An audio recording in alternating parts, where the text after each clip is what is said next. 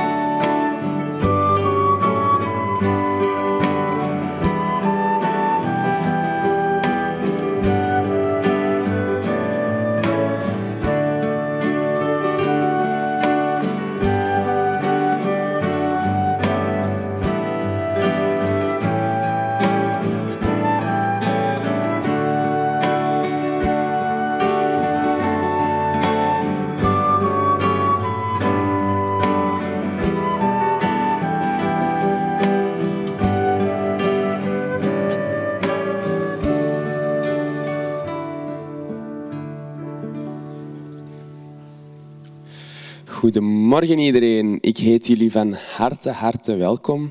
En ik wil in het bijzonder de familie Koning Tan uh, van uh, harte welkom heten. Uh, Hanneke Tan gaat ons straks voorgaan op de kansel om een boodschap te verkondigen. En zij heeft haar man meegenomen, Elroy, en haar dochter Deborah. En Deborah heeft ook haar vriend meegenomen, Arno. Dus ik zou jullie van harte welkom willen heten. Um, zij kennen ons al van af en toe naar de stream te kijken, maar nu is het onze beurt om hun te leren kennen. Nu, de eerste aankondiging die ik heb is een niet zo heel fijne. Zoals jullie allemaal weten is het in Syrië en Turkije nog altijd niet uh, zo fantastisch aan het lopen na de aardbevingen. Daarom uh, is Adra hier heel actief aan de slag gegaan. Maar om actief aan de slag te gaan, is er natuurlijk financiële steun nodig. Ik zou jullie allemaal van harte willen aanspreken om um, jullie hart te laten spreken en financiële steun aan ADRA te geven, zodanig dat zij hun werk zo goed mogelijk kunnen doen in dit gebied. Tweede aankondiging die ik voor jullie heb is op 25 maart. Schrijf dat allemaal in jullie agenda. Uh, dan is het de vierde evangelisatiemiddag. Deze gaat plaatsvinden in Kortrijk. En uh, wat houdt dit in? Dat is dat wij een ESDA-foldering gaan doen. Een ESDA-foldering is ja, folderen huis aan huis met een, uh, een, een, folder waarin staat aangegeven dat um, wij een Bijbelstudie gaan organiseren, speciaal op maat van de persoon die naar die Bijbelstudie komt. Uh, als u geïnteresseerd bent, schrijf u in via de ouderlingen van Antwerpen of uh, via het e-mailadres streaming.antwerpen.gmail.com. Dan als laatste aankondiging heb ik onze goede oude nog. En dat is dat het natuurlijk van de middag vonkjes en verkenners is. Dus als jullie vonkjes of verkenners hebben, zou ik zeggen, stuur ze er allemaal heen. En dan gaan we er weer een leuke namiddag van maken. Dan ben ik helemaal rond voor de aankondigingen. En dan zou ik graag de dienst van start gaan met het woord van God. Ik lees u graag voor uit Jesaja 32, de versen 15 tot 20. Zo zal het blijven, totdat van boven een geest over ons wordt uitgegoten. Dan zal de woestijn een boomgaard worden, een boomgaard die is als een woud. Het recht zal vestigen in de woestijn, gerechtigheid wonen in de boomgaard. Dan zal de gerechtigheid vrede stichten. Ze brengt rust en vertrouwen voor altijd. Mijn volk zal wonen in een oase van vrede, een veilige woonplaats. Een oord van ongestoorde rust. In het woud van op de helling stuist de koelte. Beneden in de vlakte strekt de stad zich uit. Gelukkig zijn jullie die zaaien langs het water, die os en ezel in het gareel houden. Bedankt Matthias voor de aankondigingen. Ik zou nu aan de mensen hier willen vragen om recht te staan, zodat we onze dienst kunnen openen met een gebed.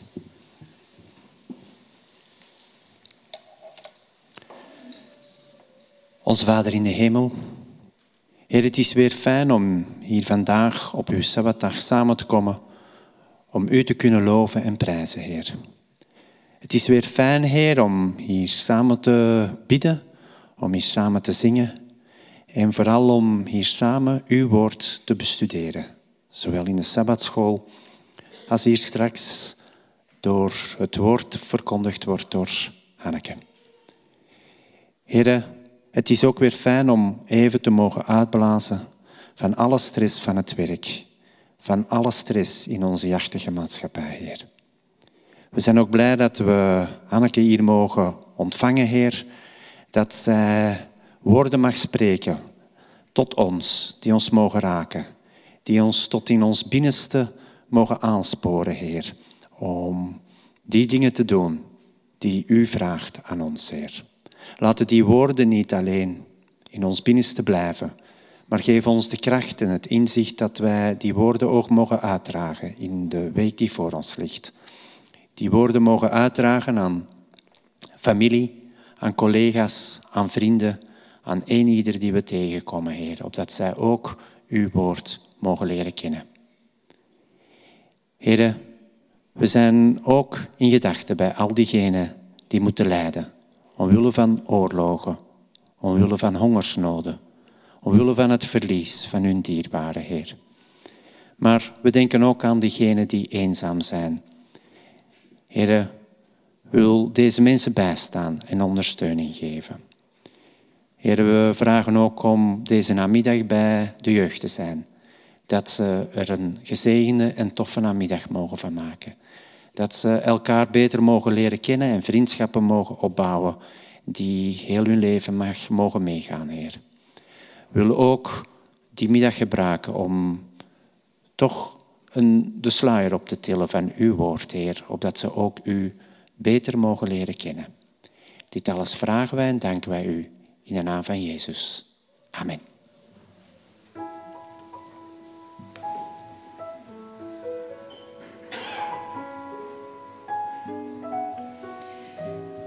Jullie mogen allemaal blijven staan. Um, het is weer tijd om te zingen en uh, we gaan dat uh, uit volle borst doen. Eerst en vooral, dankjewel Hanneke voor het uitkiezen van de energieke, vrolijke liedjes met mooie teksten. Ik weet, jullie gaan ze niet allemaal kennen, maar ik zou zeggen, probeer het maar. Dus als je een één versje hebt gehoord, dan zal het daarna zeker en vast wel lukken. We gaan starten met Hij heeft mij gered, mijn verlosser heeft mij gered. Denk aan de tekst, zing mee uit volle borst.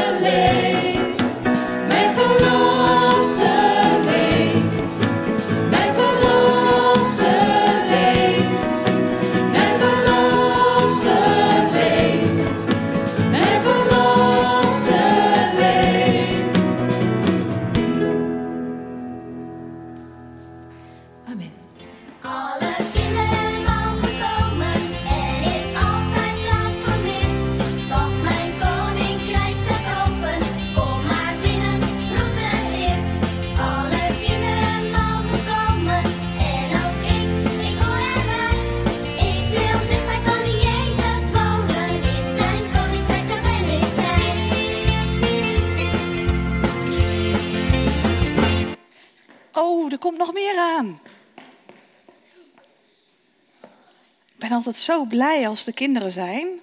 En zeker als er dan ook nog gezongen wordt, alle kinderen mogen komen. Oh, nog meer. Wat fijn. Wie van jullie kan er heel goed tekenen? Oeh, dat zijn er een heleboel. Oh, nog meer onderweg. Kom maar. Ik zag heel veel handen van kinderen die goed konden tekenen. En wat tekenen jullie dan? Kinderen. Kinderen teken je. En andere dingen ook nog. Een wat? Een, een regenboog. En wat teken je nog meer? Ik teken soms hartjes. Hartjes. Ik kan niet zo heel goed tekenen, maar ga heel even proberen. Ik ga een boerderij maken. Kunnen jullie dan, weten jullie wat een boerderij is? Wat is een boerderij? Een boerderij is zo. Heel veel dieren. Heel veel dieren. Maar ik maak het gebouw hoor. Zo. Een huisje en wat gras aan de onderkant. Ik kan niet zo heel goed tekenen hoor. En wat moet er op een boerderij? Een schoorsteen. Vind je niet? Doe daar helemaal bovenop. Oh, oh, fout. En nu? Gummen? Ga niet hè? Overnieuw beginnen? Ja. Nou, ik zal heel stiekem doen. Ik heb nog een potloodje. Met een gummetje, heel goed van je. Nou, dit is natuurlijk, die kan ik weggummen en dan kan ik overnieuw gaan tekenen. Maar vandaag gaat het natuurlijk niet over tekenen, of wel? Wie maakt er wel eens een foutje? Wie is er wel eens stout? Ik denk dezelfde kinderen, hè? Zeg je wel eens wat verkeerds? Doe je wel eens wat verkeerd? En hoe komt dat dan weer goed? Want dat kan je niet zomaar gummen, of wel? Hoe komt dat weer goed als je een foutje maakt naar iemand anders? Hoe gaat dat dan? Wat kunnen we dan doen? Ja, sorry zeggen. Hele goeie. Weet je wat het mooiste is wat wij kunnen doen? Bidden. Wat goed. Wij kunnen bidden. En wij kunnen vragen aan God om onze foutjes weg te gummen. Snappen jullie dat? Dan tellen ze niet meer mee. Dat is leuk of niet? Dat is net zoals het foutje met het potlood. Als je niet naar God zou gaan, heb je zo'n potlood zonder gummetje. Met God. Je zegt tegen God, ik heb het fout gedaan, wil u mij vergeven? Dan gumt God de foutjes uit. Snappen jullie dat? Ja? Om dat nou heel goed te kunnen onthouden, krijgen jullie van mij of van Deborah een potlood met een gummetje. En volgens mij staat er ook op, ik ben een kind van God. Of Jesus loves you staat er op deze. Ja? Mag je allemaal? En dan kan je weer op je plek gaan zitten. Jullie krijgen allemaal mooi potlood, hè? En het potlood mag je gebruiken om boven een mooie tekening te gaan maken.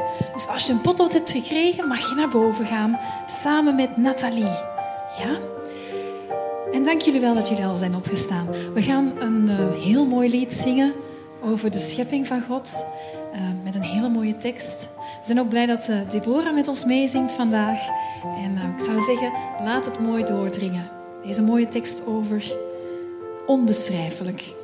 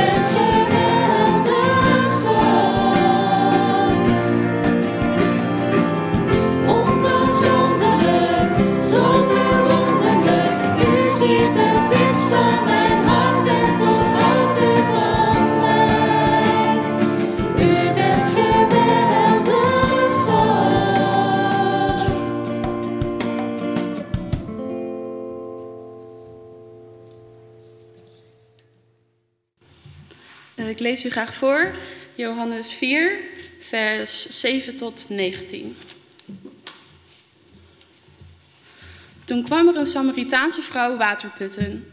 Jezus zei tegen haar: Geef mij wat te drinken. Zijn leerlingen waren namelijk naar de stad gegaan om eten te kopen. De vrouw antwoordde: Hoe kunt u als Jood mij om drinken vragen? Ik ben immers een Samaritaanse. Joden gaan namelijk niet om met Samaritanen. Jezus zei tegen haar: Als u wist wat God wil geven en wie het is die u om water vraagt, zou u hem erom vragen en dan zou hij u levend water geven. Maar Heer, zei de vrouw, u hebt geen emmer en de put is diep. Waar wilt u dan levend water vandaan halen? U kunt toch niet meer dan Jacob, onze voorvader? Hij heeft ons die put gegeven en er zelfs nog uitgedronken, en ook zijn zonen en zijn vee. Iedereen die dit water drinkt, zal weer dorst krijgen, zei Jezus. Maar wie het water drinkt dat ik hem geef, zal nooit meer dorst krijgen. Het water dat ik geef, zal in hem een bron worden waaruit water opwelt dat eeuwig leven geeft. Geef mij dat water, Heer, zei de vrouw. Dan zal ik geen dorst meer hebben en hoef ik ook niet meer hierheen om water te putten. Toen zei Jezus tegen haar: Ga uw man eens roepen en kom dan terug. Ik heb geen man, zei de vrouw. U heeft gelijk als u zegt dat u geen man heeft, zei Jezus. U heeft vijf mannen gehad en degene die u nu heeft is niet uw man. Wat u zegt is waar. Daarop zei de vrouw: Nu begrijp ik, Heer, dat u een profeet bent. De tweede schriftlezing komt uit Efeziërs, Efeziërs 4, vers 25 tot 32. Leg daarom de leugen af en spreek de waarheid tegen elkaar, want zij zijn elkaars ledemaken. Als u boos wordt, zondig dan niet. Laat de zon niet ondergaan over uw boosheid. Geef de duivel geen kans. Laat wie steelt niet meer stelen, maar eerlijk de kost verdienen door zelf hard te werken om iets weg te kunnen geven aan wie het nodig heeft. Laat geen vuile taal over uw lippen komen, maar alleen goede en waar nodig opbouwende woorden, die goed doen aan wie ze hoort. Maak Gods Heilige Geest niet bedroefd, want Hij is het stempel waarmee u gemerkt bent voor de dag van verlossing. Laat alle wrok en drift en boosheid varen, alle geschreeuw en gevloek en alle kwaadaardigheid. Wees goed voor elkaar en vol medeleven. medeleven. Vergeef elkaar zoals God u in Christus vergeven heeft. Dit was de schriftlezing. Goedemorgen, broeders en zusters. Een gezegende sabbat vanuit mij. Ik ben heel blij dat ik hier mocht staan. Ik moet heel eerlijk zeggen dat het heel bijzonder is om uh, te staan op de plek waar je regelmatig naar kijkt. En de streaming is bij ons uh, eigenlijk aan op het moment dat wij uh, op sabbatmorgen thuis zijn. We zijn veel on onderweg. En voor degenen die mij niet kennen, ik ben Hanneke Tan. Ik ben in het dagelijks leven apotheekhoudend huisarts op Goeree Overflakkee, dus niet eens zo heel erg ver weg. En um, heb daarnaast theologie gestudeerd, een, een aantal jaar geleden al afgesloten. Maar ik ben in Nederland verantwoordelijk geweest voor het gezondheidsdepartement en ben nog steeds voorzitter van de stichting Leven en Gezondheid. Ontstaan vanuit onze kerk in het Nederlandse. En um, van daaruit spreek ik dus heel regelmatig in gemeentes. Mijn preken gaan altijd over gezondheid. Um, dat is nou eenmaal de basis. En nee, ik ga u vandaag niet vertellen wat u wel of niet mag eten. Um, we gaan een laagje dieper. Want er zijn meer problemen dan wat wij in onze mond stoppen. Vandaag ga ik het hebben over vergeving. Iets wat we allemaal, denk ik, dagelijks leven tegenkomen. Dagelijks mee worstelen. Maar wat best lastig is om uh, mee te dealen. Ik weet dat ik soms mensen raak. Dat ik uh, oud zeer naar boven haal. Schroom niet om na de dienst mij aan te spreken. Of anders bij een diaken te raden te gaan. Want met pijn moet je niet blijven lopen. Maar het verhaal van vanmorgen is een echt verhaal. Maar begint al wel een poos geleden. Deze overdenking schreef ik als opdracht. En niet vanuit mijn opleiding, maar ik kreeg de opdracht van iemand. Het verhaal wat daarachter zit, bedenk eens dat je als jong meisje in een christelijk pleeggezin wordt geplaatst, omdat je beide ouders zijn overleden. Een voorbeeldig christelijk gezin met een pleegvader die allerlei functies heeft in de kerk en een pastoor die regelmatig over de vloer komt. Maar helaas is dit gezin alleen maar aan de buitenkant een mooi gezin. Er gebeuren zeer ernstige dingen die je jeugd absoluut onveilig maken en een enorme lichamelijke, maar ook geestelijke schade met zich meebrengen. En deze woorden werden in dat gezin goed gepraat met woorden als iemand moet een offer zijn of brengen. Jij bent zondig. Jij moet vergeving vragen. En je moet zeker harder bidden. En als je dit een heel klein beetje kan voorstellen, maak het dan maar eens twintig keer zo erg. En dan kom je in de buurt van wat dit kind heeft doorgemaakt. En kun je je voorstellen hoe je dan functioneert als vrouw? En in onze talloze gesprekken gaat het dan vaak over wat er is gebeurd, maar ook dat ze God en geloof aan de kant heeft gegooid. En een rode draad in dit geheel is dan nieuwsgierigheid naar hoe ik dan wel kan geloven en wat ik vind dat een christen zou moeten zijn. Maar vooral ook dat wat er is gebeurd niets met christen zijn te maken heeft. En zeker niet met mijn God. Dat God dit niet wil voor zijn kinderen. Maar haar terechte vraag, waar was God dan in al die ellende? En in de loop van de tijd hebben we al een paar keer een godservaring opgedaan. Gebedsverhoring meegemaakt. Maar een onderwerp dat blijft hangen is vergeving. Hoe kan je die mensen vergeven die je dit hebben aangedaan? Maar ook hoe kan je jezelf vergeven? Hoe kan je vergeving voelen? Hoe kan je God vergeven? Want hij was er helemaal niet, dacht je. Kortom, ik denk hele reële vragen waar we allemaal wel eens mee worstelen. En toen kwam het verzoek. Wil jij niet eens een overdenking schrijven over vergeving? En ik ben redelijk rap van tong. Mijn tegenverzoek. Als je dan in de kerk bent. En we hebben hier heel veel over gesproken. En ik heb heel veel liedjes gedeeld. En mijn diensten zijn altijd opgebouwd vanuit ook de muziek, omdat je heel goed kan voelen met muziek en muziek verbindt. Maar vergeving, wat is dat eigenlijk? En als ik dan kijk, dan hoop ik dat het goed gaat met de stream. Vergeving is vergiffenis schenken volgens Van Dalen. Maar ik wil ook graag vandaag kijken naar wat het niet is. Want we hebben het heel vaak over vergeving. Als kind al. Je moet dan vergeven, zeggen we dan tegen onze kinderen die wat verkeerds hebben gedaan. En hoe vaak moeten we ook alweer vergeven? Nou, in Nederland hebben we zo'n kinderliedje en ik denk dat dat hier net zo goed bekend is. Tot zeven maal zeventig maal. Vergeef ik een ander zijn schuld, tot zeven maal zeventig maal. De Heer heeft met mij ook geduld. Vergiffenis schenken, zoals het in de Vandalen staat. Maar dat maakt het voor mij eigenlijk niet heel duidelijk. Maar iets verderop staat: niet meer boos op iemand zijn die iets vervelends heeft gedaan. Dat vind ik wat zwak uitgedrukt als je iets meemaakt, zoals ik eerder vertelde. Maar als je dan wat verder zoekt op internet, dan zie je dat vergeven iets anders is dan verzoenen.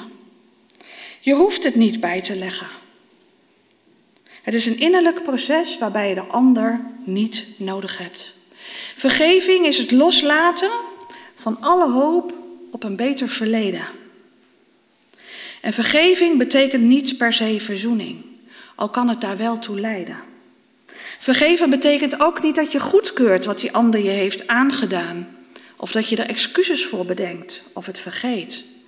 Vergeven betekent dat je het gebeuren minder persoonlijk neemt. Pijn en boosheid laat varen en iemand anders niet eindeloos verantwoordelijk stelt voor jouw welzijn. Ik vind het zelf heel mooi. Vergeven is loslaten van alle hoop op een beter verleden. Besef dan ook dat vergeven om jou draait en niet om de daden. Het doel is dat je je beter gaat voelen. Ook als je je niet met de dader verzoent. Of als hij niet erkent wat hij je heeft aangedaan. ook dan profiteer je nog steeds van de energie die vrijkomt door het loslaten van wrok. En dat komt dichterbij. Vergeving is dus niet verzoening, is niet goedkeuren, is niet vergeten en is ook niet voor de dader. Maar is dus wel pijn en boosheid laten varen. Je welzijn als je eigen verantwoordelijkheid maken en energie krijgen door het loslaten van wrok. Maar wat is dat ongelooflijk moeilijk? En hoe kom je daar dan? Ik heb vandaag gekozen voor de geschiedenis van die Samaritaanse vrouw als basis. Gaat dat over vergeven? Misschien niet direct, maar het verhaal suggereert het wel. De achtergrond van dit verhaal. Jezus is onderweg door Samaria. En dat was al heel bijzonder. Want Joden verafschuwden de Samaritanen. Beschouwden zelfs tweederangs burgers en zorgden ervoor dat ze niet met elkaar in contact kwamen. En normaal gesproken reisden Joden niet door Samaria heen, maar ze gingen er met een grote bocht omheen. Maar Jezus doet het anders dan anders. Jezus besluit er wel doorheen te reizen. Komt midden op de dag, dorstig aan bij een put. En er komt op dat moment ook een vrouw aan om water te halen. En dat is bijzonder. Het is geen normaal moment om water te halen midden op de dag. En vrouwen gingen zelden alleen. En dan vraagt ook nog een Joodse man, Jezus, aan haar, een Samaritaanse vrouw, om water. En ze reageert verbaasd. En ik wil vandaag niet ingaan op het verhaal van het levend water. Dat is een los verhaal. Maar ik wil graag kijken hoe naar Jezus die omgaat met deze vrouw. Maar Jezus geeft de vrouw een opdracht. Ga je man halen en kom dan terug. En tot haar schroom, en je hoort het gewoon in het verhaal, moet ze bekennen dat ze geen man heeft. En Jezus wist dat. Wat hij zegt, precies. Je hebt vijf mannen versleten en nu leef je samen met iemand die jouw man niet is. Dus wat je zegt is waar. Deze vrouw was niet zo fris. Ze had al vijf mannen versleten en een zesde waarmee ze niet getrouwd was. Ze lijkt losbandig, neemt het niet zo nauw met de geldende regels op het gebied van huwelijk en seks. En dat is dan ook mogelijk de reden waarom ze alleen bij die waterbron komt. Zonder lastige mensen, zonder vervelende blikken. Maar Jezus lijkt het helemaal niet belangrijk te vinden wat ze heeft gedaan. Want hij wijst haar op dat levende water. Hij vindt het ook niet belangrijk, ietsjes verderop in het verhaal, waar Joden en Samaritanen God vereren. Hij wijst haar er alleen maar op dat hij de Messias is. En op dat moment komen ook de discipelen terug. Zij voegen zich verbaasd bij Jezus en de vrouw, maar vragen niets.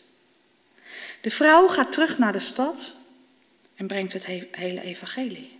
En er komen op dat moment heel veel mensen uit die stad naar Jezus luisteren. De achtergrond van deze vrouw is niet belangrijk meer. Lijkt niet belangrijk te zijn voor Jezus. Maar ook de discipelen voelen blijkbaar dat haar daden niet belangrijk zijn. En de vrouw voelt zich door het contact dusdanig sterk dat ze mensen actief benadert om ook te luisteren naar de man die zich de Messias noemt. Is de vrouw vergeven? Misschien is het niet zo letterlijk gezegd, maar het lijkt er wel op dat haar daden haar niet meer aangeraakt, aangerekend werden. Jezus gebruikt hier een zondaar, zoals u en mij, om zich in te zetten voor zijn werk. Maar in de Bijbel staat nog heel veel meer over vergeving en ik wil met u een aantal teksten doorlopen. In Efesius, en het stukje is al gelezen, alle woede en alle boosheid moet bij jullie verdwijnen, net als alle andere slechtheid. Schreeuw niet langer en vloek niet meer. Wees goed en hartelijk voor elkaar en vergeef elkaar, want God heeft ook jullie fouten vergeven, omdat Christus voor jullie gestorven is. En in Matthäus 18 staat daarbij die vraag van Petrus hoe vaak je iemand moet vergeven. Zeven keer zeventig maal en daarna noemt hij gelijk de gelijkenis van de schuldenaar. En in Matthäus 6 staat ook een stukje. En vergeef ons wat we fout gedaan hebben, want wij hebben ook andere mensen hun fouten vergeven. En Jezus zei verder, je moet andere mensen hun fouten vergeven. Dan zal je hemelse vader ook jouw fouten vergeven. Maar als je andere mensen hun fouten niet vergeeft, dan zal je vader ook jouw fouten niet vergeven. Maar mag je dan niet boos zijn over wat jou is aangedaan, terwijl je beschadigd bent? En ook daar heeft de Bijbel wel antwoord op. Het hebben van die rechtvaardige boosheid is belangrijk. Jezus was boos toen hij de tempel opruimde. En in Matthäus 18 staat, als Jezus boos is dat kinderen gewond raken, onrecht en onderdrukking aangedaan worden, is het belangrijk dat we hem vergezellen in zijn rechtvaardige verontwaardiging. Gods woede machtigt en leidt tot actie. En nog een keer in Efeze 4. Als je boos bent, ga dan geen verkeerde dingen doen. Maar zorg ervoor dat de boosheid snel weer verdwijnt. En dan kan de duivel geen invloed op je krijgen. Rechtschapen woede probeert niet degene te vernietigen die ons pijn heeft gedaan, maar gaat richting vergeving en verzoening. Maar waarom is vergeving soms toch knap lastig? Wat houdt ons bezig? We hebben een aantal mythes rondom vergeving. Er wordt heel vaak gedacht dat vergeven hetzelfde is als vergeten. Maar dan zijn er een aantal moeilijke dingen. Jezus vergaf de mensen die hem kwaad hadden gedaan. Maar hij droeg wel de littekens van het kruis. God vraagt ons niet om te doen of de dingen niet zijn gebeurd. Of dat het ons geen pijn heeft gedaan. Aan de andere kant staat in Jesaja 43 dat God onze zonden vergeeft. Of zoals zo prachtig in die oude vertaling, in de zee der vergetelheid werpt, zo ver als het oosten is van het westen. Dit betekent ook dat als er vergiffenis is geschonken, dat het verkeerde niet steeds opnieuw op tafel moet komen, als wapen tegen de overtredende partij. Vergeving suggereert vertrouwen, maar vertrouwen moet verdiend worden. De dader moet stappen ondernemen om het probleem op te lossen. Gebeurt dat niet, dan kan die persoon wel vergeven worden, maar vertrouwen is onverstandig en zal in de toekomst tot pijnlijke situaties kunnen leiden. Andere mythe is dat vergeving makkelijk zou zijn. Vergeving is meer dan een gebeurtenis. Een besluit om te vergeven moet vaak gemaakt worden als iemand worstelt met pijn en de gevolgen van een misdrijf. En eentje wat binnen de kerk een rol speelt. Als christen is vergeving iets wat we meteen zouden moeten doen. Maar we weten uit onderzoek dat het onverstandig is en zelfs schadelijk om erop aan te dringen dat iemand de daden vergeeft voordat hij of zij daaraan toe is. Hoe goed we het ook bedoelen. En een andere mythe is dat vasthouden aan bitterheid niemand pijn zou doen. We weten dat iemand lichamelijk en emotioneel een hoge prijs betaalt wanneer bitterheid en wrok worden vastgehouden. Relaties worden door bitterheid, door wrok gespannen en ook vaak verbroken door, door niet te vergeten en te vergeven. En wat moeten we dan wel? Een proces van vergeving is niet makkelijk en zeker niet snel. En het proces zal voor iedereen een klein beetje anders gaan. Maar in grote lijnen zijn er een aantal punten te noemen. Vertel je verhaal om te ontdekken wat echt pijn heeft gedaan. Voel en omarm die pijn. Bij het voelen voel je ook de aanwezigheid van God en ervaar Gods troost. Want we weten dat Hij ons troost bij pijn, of dat nu oude of nieuwe pijn is. En denk aan Gethsemane. Vraag God om je te laten zien dat je net zo bent als die persoon die je pijn heeft gedaan. Zodat vergeving uit een gelijkwaardige positie komt. Verander dan ook van hart. Maar vraag aan God om je hart te veranderen ten aanzien van de persoon die je pijn heeft gedaan. En neem dan een beslissing om te vergeven. Dat maakt niet goed wat er is gebeurd. Maar het legt wel jou en de persoon die jou pijn heeft gedaan in Gods handen. Bid voor Gods grootste en uitgelezen zegeningen voor degene die jou pijn heeft gedaan. Je opent je hart op dat moment nog meer voor die persoon. En zoek herstel met degene die jou pijn doet. Ze staan er misschien niet voor open, maar ons hart probeert de relatie te herstellen. Deze laatste punten zijn ongelooflijk moeilijk. Zeker bij grote misdrijven, bij grote beschadigingen, lichamelijk of geestelijk. Ze zullen veel tijd en zorgen vergen. En het hoeft ook niet in één keer. Maar zo geeft vergeving wel rust en vrijheid. En een laatste punt in het geheel, niet geheel onbelangrijk.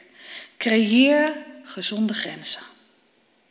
De trieste realiteit in onze gebroken wereld is dat sommige mensen giftig en niet veilig zijn. Duidelijk uiten wat je bent en dat je niet bereid bent om alles te tolereren in de toekomst, is een belangrijk onderdeel van groei voor veel mensen die de neiging hebben om slachtoffer te zijn. En al deze punten betekent niet dat het vanzelf gaat. Er zitten nog wel veel meer haken en ogen aan. Maar dit zijn richtlijnen die wij gewoon uit de Bijbel kunnen halen richting vergeving. Vanuit onszelf, maar ook vooral voor onszelf. En als we dan nog een klein stukje verder kijken, dan zien we in 1 Johannes 1 de vergeving van God voor ons. En als ik dan begin in vers 8. Als we zeggen dat we nooit iets verkeerd doen, bedriegen we onszelf. Gods waarheid is dan niet in ons. Maar als we onze zonde eerlijk aan God vertellen, zal Hij ons vergeven.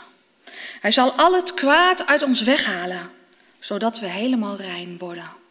Want God is trouw en rechtvaardig.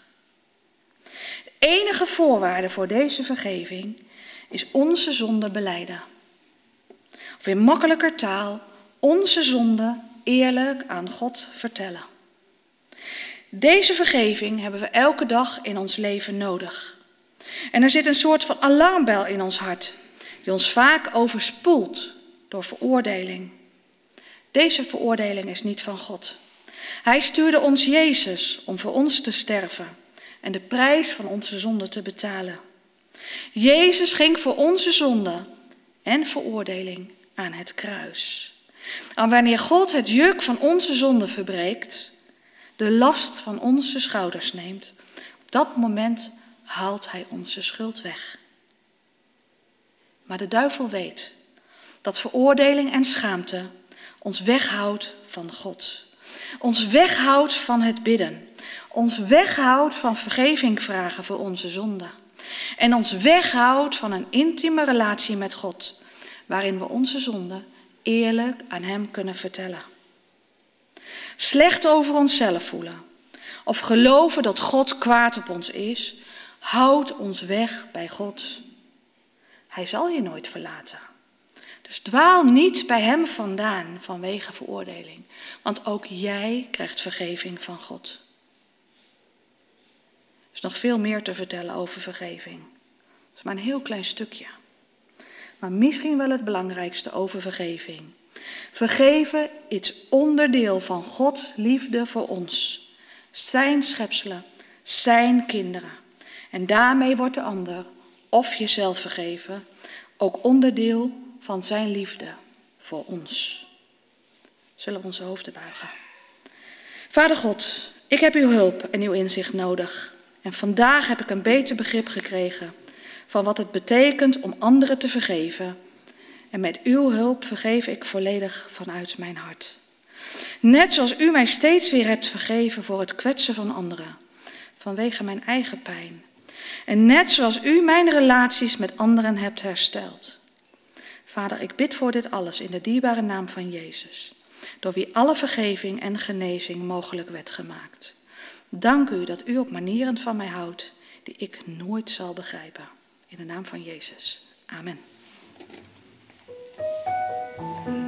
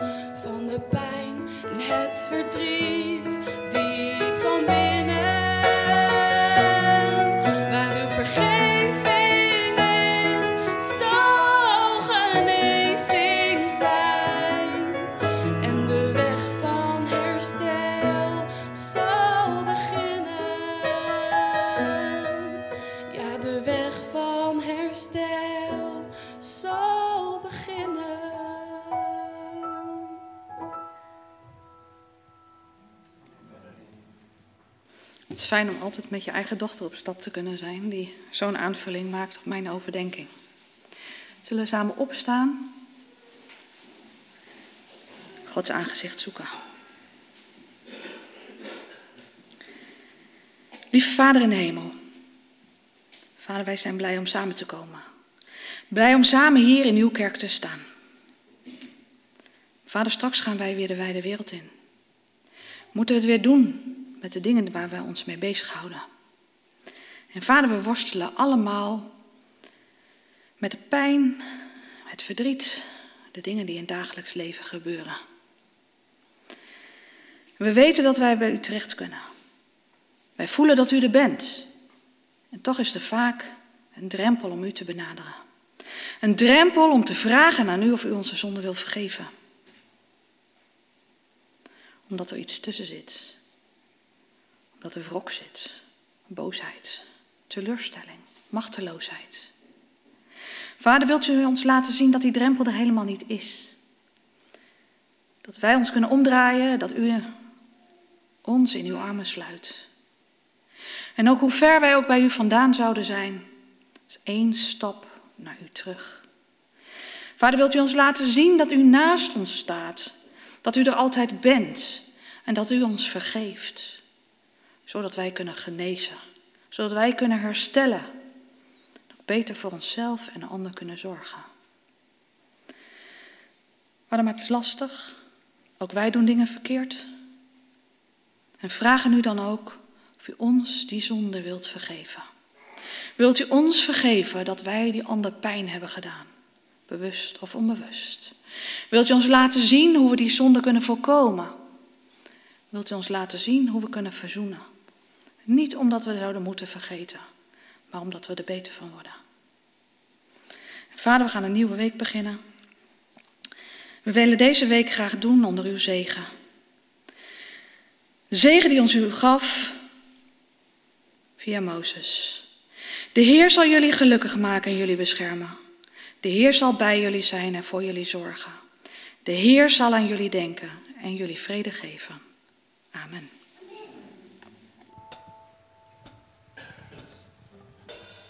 amando.